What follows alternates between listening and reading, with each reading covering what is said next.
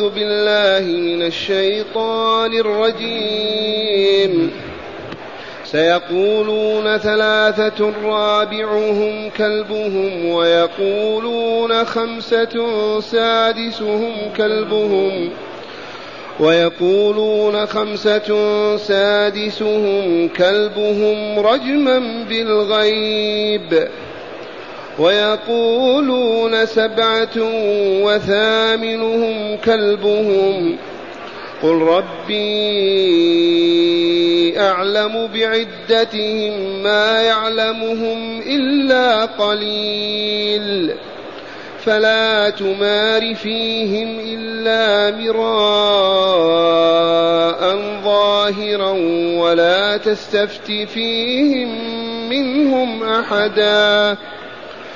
ولا تقولن لشيء إني فاعل ذلك غدا إلا أن يشاء الله. واذكر ربك إذا نسيت وقل عسى أن يهديني ربي لأقرب من هذا رشدا. ولبثوا في كهفهم ثلاثمائة سنين وازدادوا تسعا. قل الله أعلم بما لبثوا. له غيب السماوات والأرض. أبصر به وأسمع.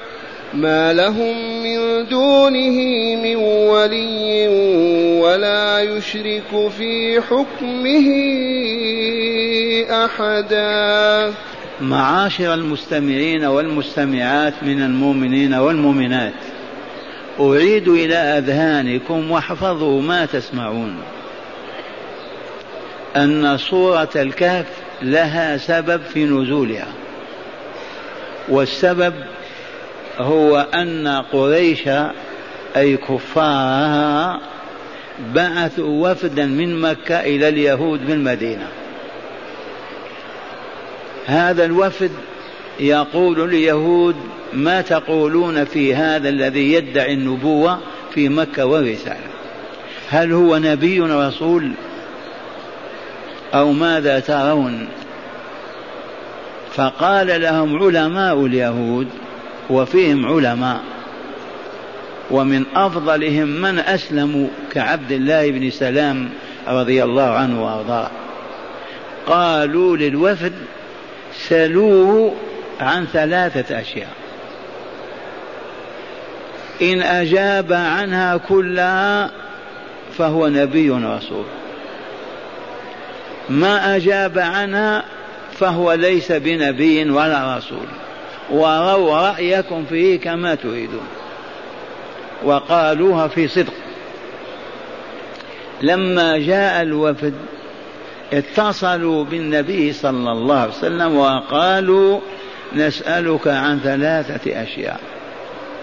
عن الروح وعن فتية في الزمان الماضي لهم شأن وعن ذي القرنين ملك ملك الشرق والغرب. فأخبرنا.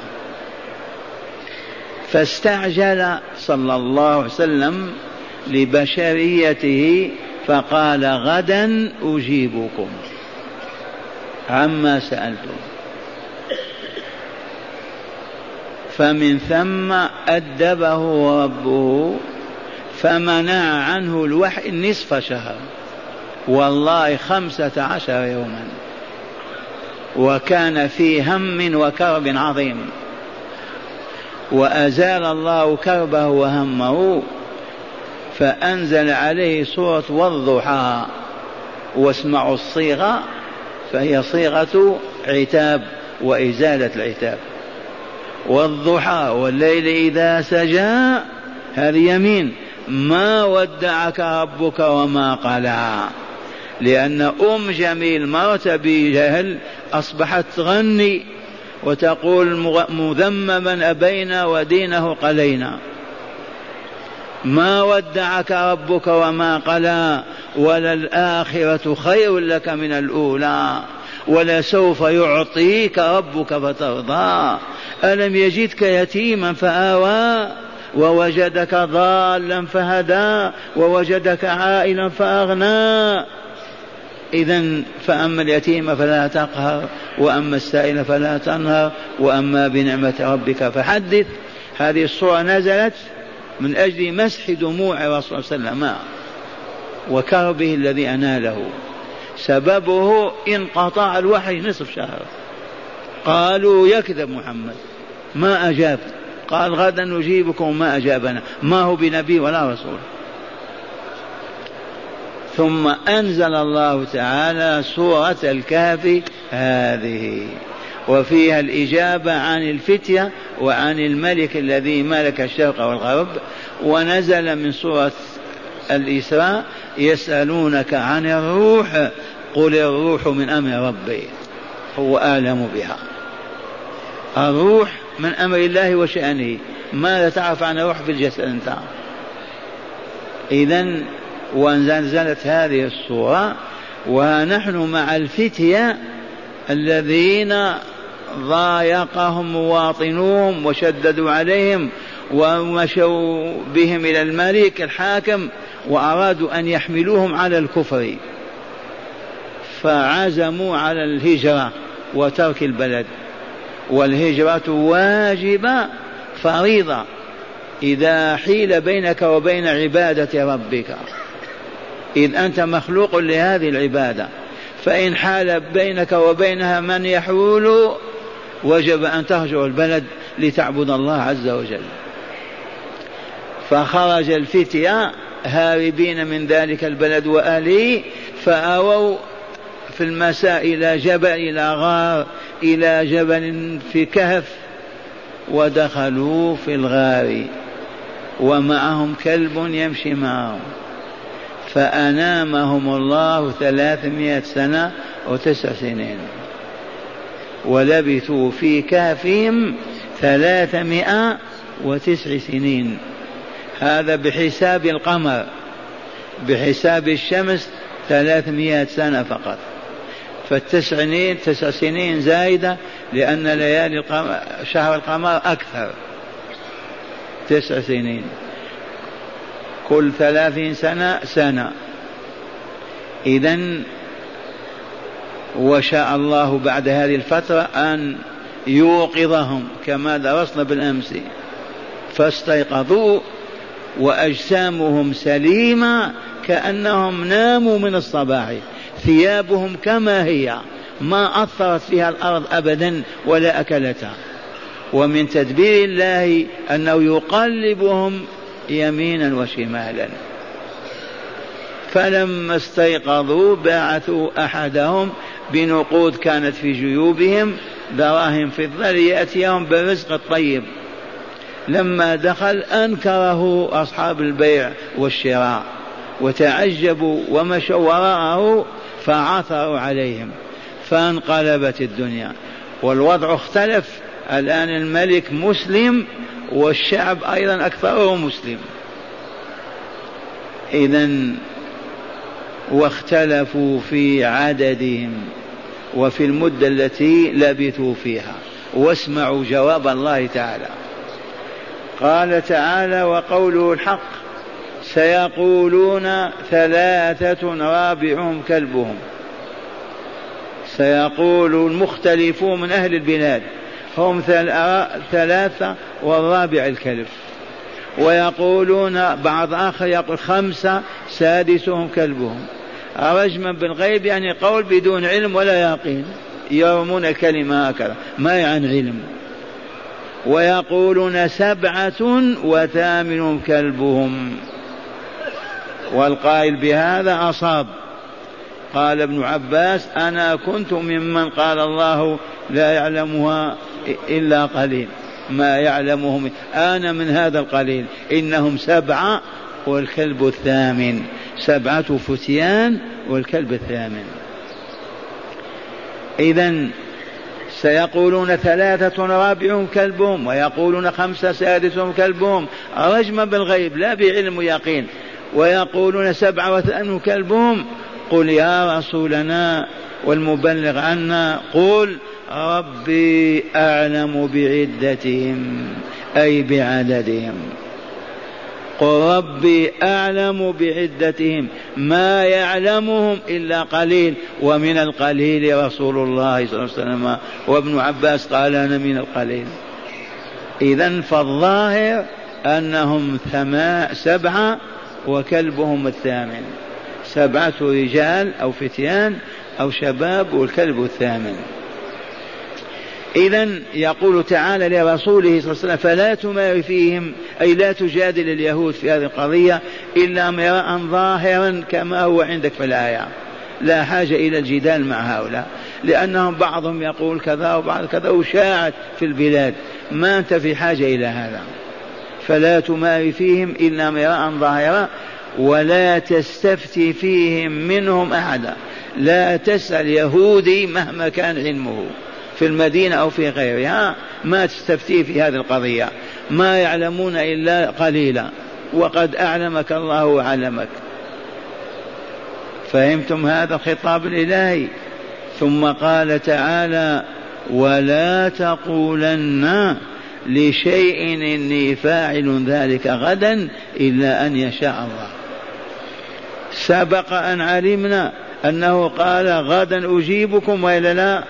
وأخطأ في هذه وعاتبه ربه ومنع الوحي عنه والآن علمه كيف يفعل. ولا تقولن لشيء إني فاعل ذلك غدا حتى تقول إن شاء الله إلا أن تقول إن شاء الله. وهذا منهج الرسول وأتباعه. ما منا أحد يقول سافر غدا إلا قال إن شاء الله. أو قال سأتزوج العام المقبل إن شاء الله. أو قال سأسافر يقول إن شاء الله. ومن نسي وذكر بعد ذلك فليقول إن شاء الله ولو بعد عام. من نسي أن يقول إن شاء الله ثم تفكر قال آه ما قلت إن شاء الله فليقولها ولو بعد عام. فإن كان اليمين فلا بد وأن يقول إن شاء الله إلا أن يشاء الله باتصال وإلا تجب عليه الكفارة. مثلا قلت والله لا أكلمك. فإن قلت إلا أن يشاء الله انتفع بهذا الاستثناء. فإن سكت بعد ساعة ساعتين قال إلا أن يشاء الله ما ينفعه. يجب عليه الكفارة. مرة ثانية. إذا أراد أحدنا أن يفعل شيئا في المستقبل ماذا ينبغي له؟ ماذا يجب عليه؟ ما هي الآداب الإسلامية؟ هي أن يقول إن شاء الله أو إلا أن يشاء الله كما شاء. فإن نسي ما قالها وتذكر بعد شهر بعد عام وقال أنا قلت كذا وما قلت إن شاء الله الآن يقولها وتقبل منه إن شاء الله. ويستثنى من هذا الحلف اليمين. إن قلت والله لا آكل طعامك إلا أن يشاء الله. كل بعد ذلك استثنيت. أما إذا قلت والله لا آكل هذا الطعام وسكت. بعد ساعة ساعتين قلت إلا أن يشاء الله ما ينفع. تجب عليك الكفارة إذا أردت أن تأكل. عسى أن يفهم الأبناء والإخوان هذه الحقيقة. مرة ثانية إذا أردت أن تفعل شيئا في المستقبل لا بد وأن تقول إن شاء الله يا عبد الله. لأن المشيئة لله أو لك أنت؟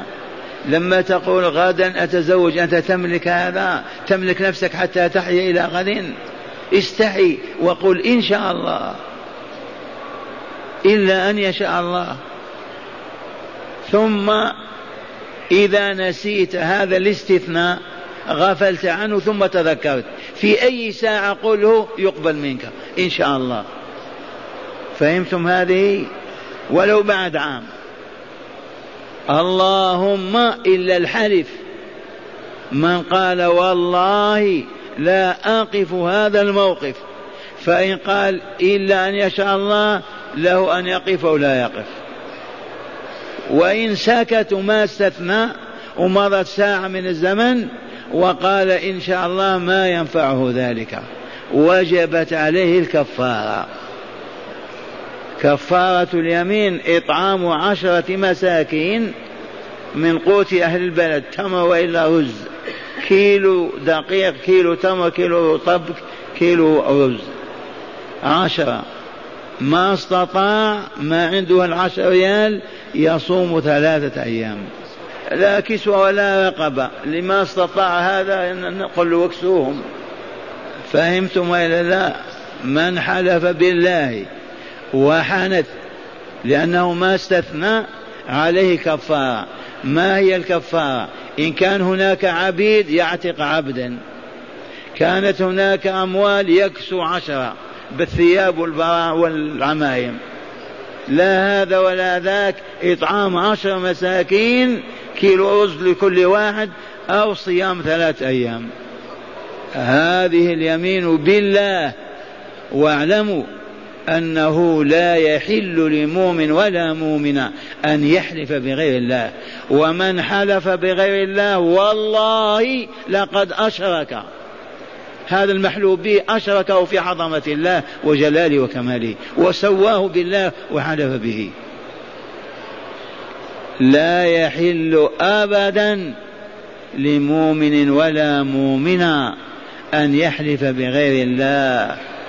والحلف بالله يقول والله أو بالله أو تالله. دي ثلاث صيغ. بالله والله تالله. لا أفعلن أو لا أفعلن. فإن استثنيت وقلت إلا إن شاء الله نجوت. ما استثنيت وحنثت الكفارة. وأنت مخير بين أن تطعم أو تصوم ثلاثة أيام. هيا نقرأ الآية الكريمة من سورة المائدة المباركة. فكفارة إطعام عشرة مساكين من أوسط ما تطعمون أهليكم أو كسوتهم أو تحرير رقبة. فمن لم يجد فصيام ثلاثة أيام. ذلك كفارة أيمانكم إذا حلفتم. واحفظوا أيمانكم. والشاهد عندنا هذه المطلوبة أربعة. أولا العتق ولا وجود للرقيق عندنا. كذا وإلا لا؟ ثم لو وجد وهو مخير بين هذا وذاك المهم العتق ثم الكسوة. كسوة الرجل ثوب يستر به جسمه وشيء يضع على رأسه. كسوة المرأة خمار يغطي رأسها وثياب تستر جسمها. ما استطاع هذا ولا ذاك يطعم عشر مساكين ما استطاع يصوم ثلاثة أيام. هذه الكفارة لما سميت كفارة؟ لأنها تكفر أي تغطي الإثم وتستره. لما تجاهل وحلف بالله وحنث إذا تأثم علق بنفسه إثم. هذا الإثم ماذا يزيله؟ الماء والصابون؟ والله ما ينفعان فيه. بما يمحى ما يمحى يغطى يكفر بما بين الله تعالى من أنواع الكفارة الأربعة. يغطيها بذلك. اذا يقول تعالى ولا تقولن لشيء إني فاعل ذلك غدا إلا أن يشاء الله. علمه كيف يفعل. لأنه أخطأ في المرة الأولى. ثم قال له ولا تقولن لشيء إني فاعل ذلك غدا إلا أن يشاء الله. واذكر ربك إذا نسيت. من نسي؟ الاستثناء يذكر بعد ذلك ويقول إن شاء الله كما قلت ولو بعد عام. إلا أن الاستثناء إذا لم يكن متصل باليمين ما ينفع. إذا انقطع بفترة من الزمن واستثنى له الأجر ولكن الكفارة لازمة له. وقل عسى أن يهديني ربي لأقرب من هذا رشدا. أعلن عن رجائك لله أن يهديك للعلوم والمعارف والهداية الإلهية في رسالتك ونبوتك وهذه ضرب على وجوه المشركين. ثم قال تعالى ولبثوا في كهفهم. من هم الذين لبثوا في كهفهم؟ أصحاب الكهف سبعة مع الكلب. ولبثوا في كهفهم ثلاثمائة سنين. اليهود على عهد الرسول صلى الله عليه وسلم قالوا لا هذا الثلاثمائة من يوم ما كانوا في الغار إلى اليوم. جادلوا رسول الله قال لا تجادلهم. انتبهتم إلا قالوا ثلاثمائة وتسع سنين هذه من عهد وجودهم في الغار إلى اليوم على عهد الرسول. وهذا خطأ. يريدون أن يبطلوا أنهم مكثوا في الغار ثلاثمائة سنة تسع سنين. قالوا هذه الفترة معناها من يوم ما خرجوا من الغار إلى اليوم والآية تنزل. أو ما أفصحت لكم. اليهود على عهد رسول الله صلى الله عليه وسلم ولعلهم إلى اليوم ما يؤمنون بأن الفتية مكثوا في الغار ثلاثمائة وتسع سنين. قالوا هذه الفترة هذا العدد من الزمان من يوم ما دخلوا الغار إلى اليوم الذي نزلت فيه سورة كاف هذه الثلاثمائة وتسع سنين. وهو قول باطل باطل باطل. والله تعالى يقول ولبثوا في كافهم ثلاثمائة سنين. قراءة سبعية. ثلاثمائة سنين وازدادوا تسعة. هذا بحساب القمر. بحساب الشمس ثلاثمائة فقط. كل ثلاثين سنة فيها سنة زائدة وزيادة. ثلاثمائة سنة بتسع سنين. ثم قال الله تعالى لرسوله قل قل لهم الله أعلم بما لبثوا وقد أخبرنا بأن ثلاثمائة سنين. بقي من يتكلم اليهود وغيره أليس الله أعلم بما لبثوا؟ وقد قرر أنها ثلاثمائة سنين كيف يقبل كلام المبطلين والضالين؟ له غيب السماوات والأرض. ما غاب في الملكوت الأعلى كالأسفل كله عليم بدقائقه وذراته. يخفى عليه مكت تسعة ستة أنفار أو سبعة فقار. يجهل الوقت. أعوذ بالله. هذه صفعة على اليهود. قل الله أعلم بما لبثوا. أولا له غيب السماوات والأرض. كيف ما يعرف؟ أبصر بواسمع أبصر وما أسمعه. كيف يجهل هذا؟ ما لهم من دونه من وليين. أي ينصرهم ويتولاهم ولا يشرك في حكمه أحدا ولا يشرك في حكمه أولا لا يوجد ولي دون الله ينصرك. إن خذلك الله لن تنتصر أبدا. والولاية ولاية الله. ما في ولي من دون الله إلا من والاه الله. ولا يشرك في حكمه أحدا. إذا حكم ما في من يشارك في الحكم. يقول له زيد أو نقص قدم أو أخر. إذ الحكم له ألا لله الحكم. والآن مع هداية الآيات. بسم الله والحمد لله. من هداية الآيات أولا بيان ما معنى من هداية الآيات؟ الآيات التي درسناها كم آية؟ ستة أو خمس آيات.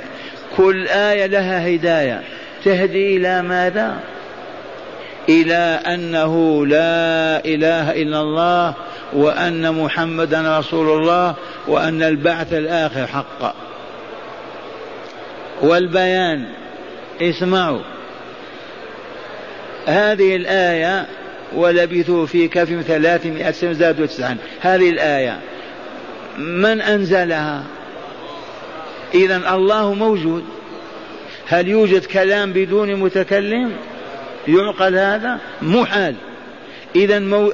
من تكلم الله هذا كلامه؟ هل ادعى مخلوق أن قال هذا كلامي؟ والله ما كان. لا من الإنس ولا من الجن. هذا إذا كلام الله. الله موجود. ثانيا عليم حكيم. رؤوف رحيم ذي صفات الكمال وإلى لما يهدي الناس بهذا القرآن؟ ثانيا الآية على من نزلت؟ على رسول الله صلى الله عليه وسلم. إذا فمحمد والله لا رسول الله. كيف ينزل عليه القرآن وما هو برسول؟ يعقل هذا يقال. إذا كل آية تقول لا إله إلا الله محمد رسول الله.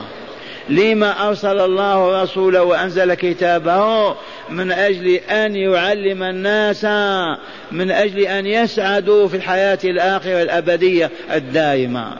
فلا بد من الحياة الآخرة حتما قضى به الله عز وجل. ودائما نقول هذه الدار دار عمل. هذه الدار دار عمل. هذه الحياة حياة عمل خيرا أو شرا. والدار الآخرة دار جزاء خيرا بالجنة أو شرا بالنار. والله كما تسمعون وثقوا واطمئنوا. هذه الدار دار ماذا؟ عمل. من عمل صالحا ورث دار السلام الجنة. من عمل سيئا ورث دار النار الوباء والخسران والعياذ بالله. وهذه الدار تنتهي لأنها دار عمل شغيلة تشتغل 24 ساعة ست أشهر سنة وتأخذ أجرتها. في من يطالب بالأجرة قبل نهاية العمل؟ يعقل؟ الأجرة شهرية تطالب قبل نهاية الشهر ما ما تعطى. فلهذا اعملوا والجزاء المقابل في الدار الآخرة. ما هو في هذه الدار؟ عرفتم الهداية؟ كل آية تهدي إلى أنه لا إله إلا الله وأن محمد رسول الله. وفي القرآن ثلاثة ثلاث ستة آلاف. ستة آلاف ومئتان وأربعون آية. هاتي. من هداية الآيات أولا بيان اختلاف أهل الكتاب وعدم ضبطهم للأحداث التاريخية. بيان اختلاف اليهود والنصارى وبيان ضعفهم وجهلهم وأنهم لا علم سليم لهم يتخبطون. هذا يقول كذا وهذا يقول كذا ويكذب بعضهم بعضا لأن العلم الصحيح نتلقاه من الله بالوحي الإلهي. أما اجتهاد المؤرخين وكلامهم دائما فيه الزيادة والنقصان والتقديم والتأخير. من أين أخذنا هذا؟ سيقول قل, قل الله أعلم منهم. نعم. ثانيا بيان عدد فتية أصحاب الكهف وأنهم سبعة وثامنهم كلبهم. الآن نحن موقنون أن فتية أصحاب الكهف كانوا سبعة والثامن هو الكلب. ولا نقبل كلمة ستة والسابع الكلب ولا كلمة خمسة والسادس الكلب ولا ثلاثة والكلب والرابع الكلب. أبدا. أبطل هذا كله من ترهات اليهود وأباطيلهم وقرر تعالى أنهم سبعة وثامنهم كلبهم. ثالثا من الأدب مع الله تعالى أن لا يقول العبد سأفعل كذا مستقبلا إلا قال بعدها إن شاء الله. كما سمعنا ونعيش عليه يا أبناء الإسلام يا أمهات المؤمنين. إذا كان الشيء مستقبلا إياك أن تنسى كلمة إن شاء الله. الآن نصلي العشاء إن شاء الله. لو ما شاء والله ما نصلي نحترق أو نهرب. لا بد من كلمة إن شاء الله. ومن نسيها وتذكر يقولها وما يقولها يقولها لو بعد عام. يعترف بخطئه ويقولها. لكن في كفارة اليمين تنفع بعد فترة ما تنفع. إذا ما اتصلت والله لا أقول إلا أن يشاء الله تنفع. أما والله لا أقول هذا. وبعد ساعة أقول إن شاء الله ما ينفع. لا بد. رابعا من الأدب من نسي الاستثناء أن يستثني ولو بعد حين فإن حلف لا ينفعه الاستثناء إلا إذا كان متصلا إيه، بكلامه. كما بينا نحن معاشر المؤمنين والمؤمنات دائما نستثني بتعليم, بتعليم الله لرسولنا. إذ قال له ولا تقولن لشيء إني فاعل ذلك غدا إلا أن يشاء الله. ونحن أتباعه. فكل قول أو عمل في المستقبل نستثني.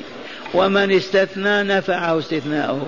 ومن نسي الاستثناء وتذكر بعد حين ينفعه. يقول إن شاء الله اللهم إلا اليمين. لا بد من الاستثناء المتصل مع الكلام. لو سكت لحظة لأجل يتنهد لا بأس. أو عطس أو سعال معفو عنه. لكن إذا كان هادئ وما قال إن شاء الله عليه الكفارة. وصلى الله على نبينا. نعم. خامسا وأخيرا تقرير المدة التي لبثها الفتية في كهفهم وهي ثلاثمائة وتسع سنين بالحساب القمري. أي نعم. المدة التي لبثها إخواننا أصحاب الكهف أولياء الله الموحدون كان ثلاثمائة وتسع سنين. لما تسع سنين؟ بالحساب القمري. أما بالشمس فتسعمائة سنة. فثلاثمائة سنة.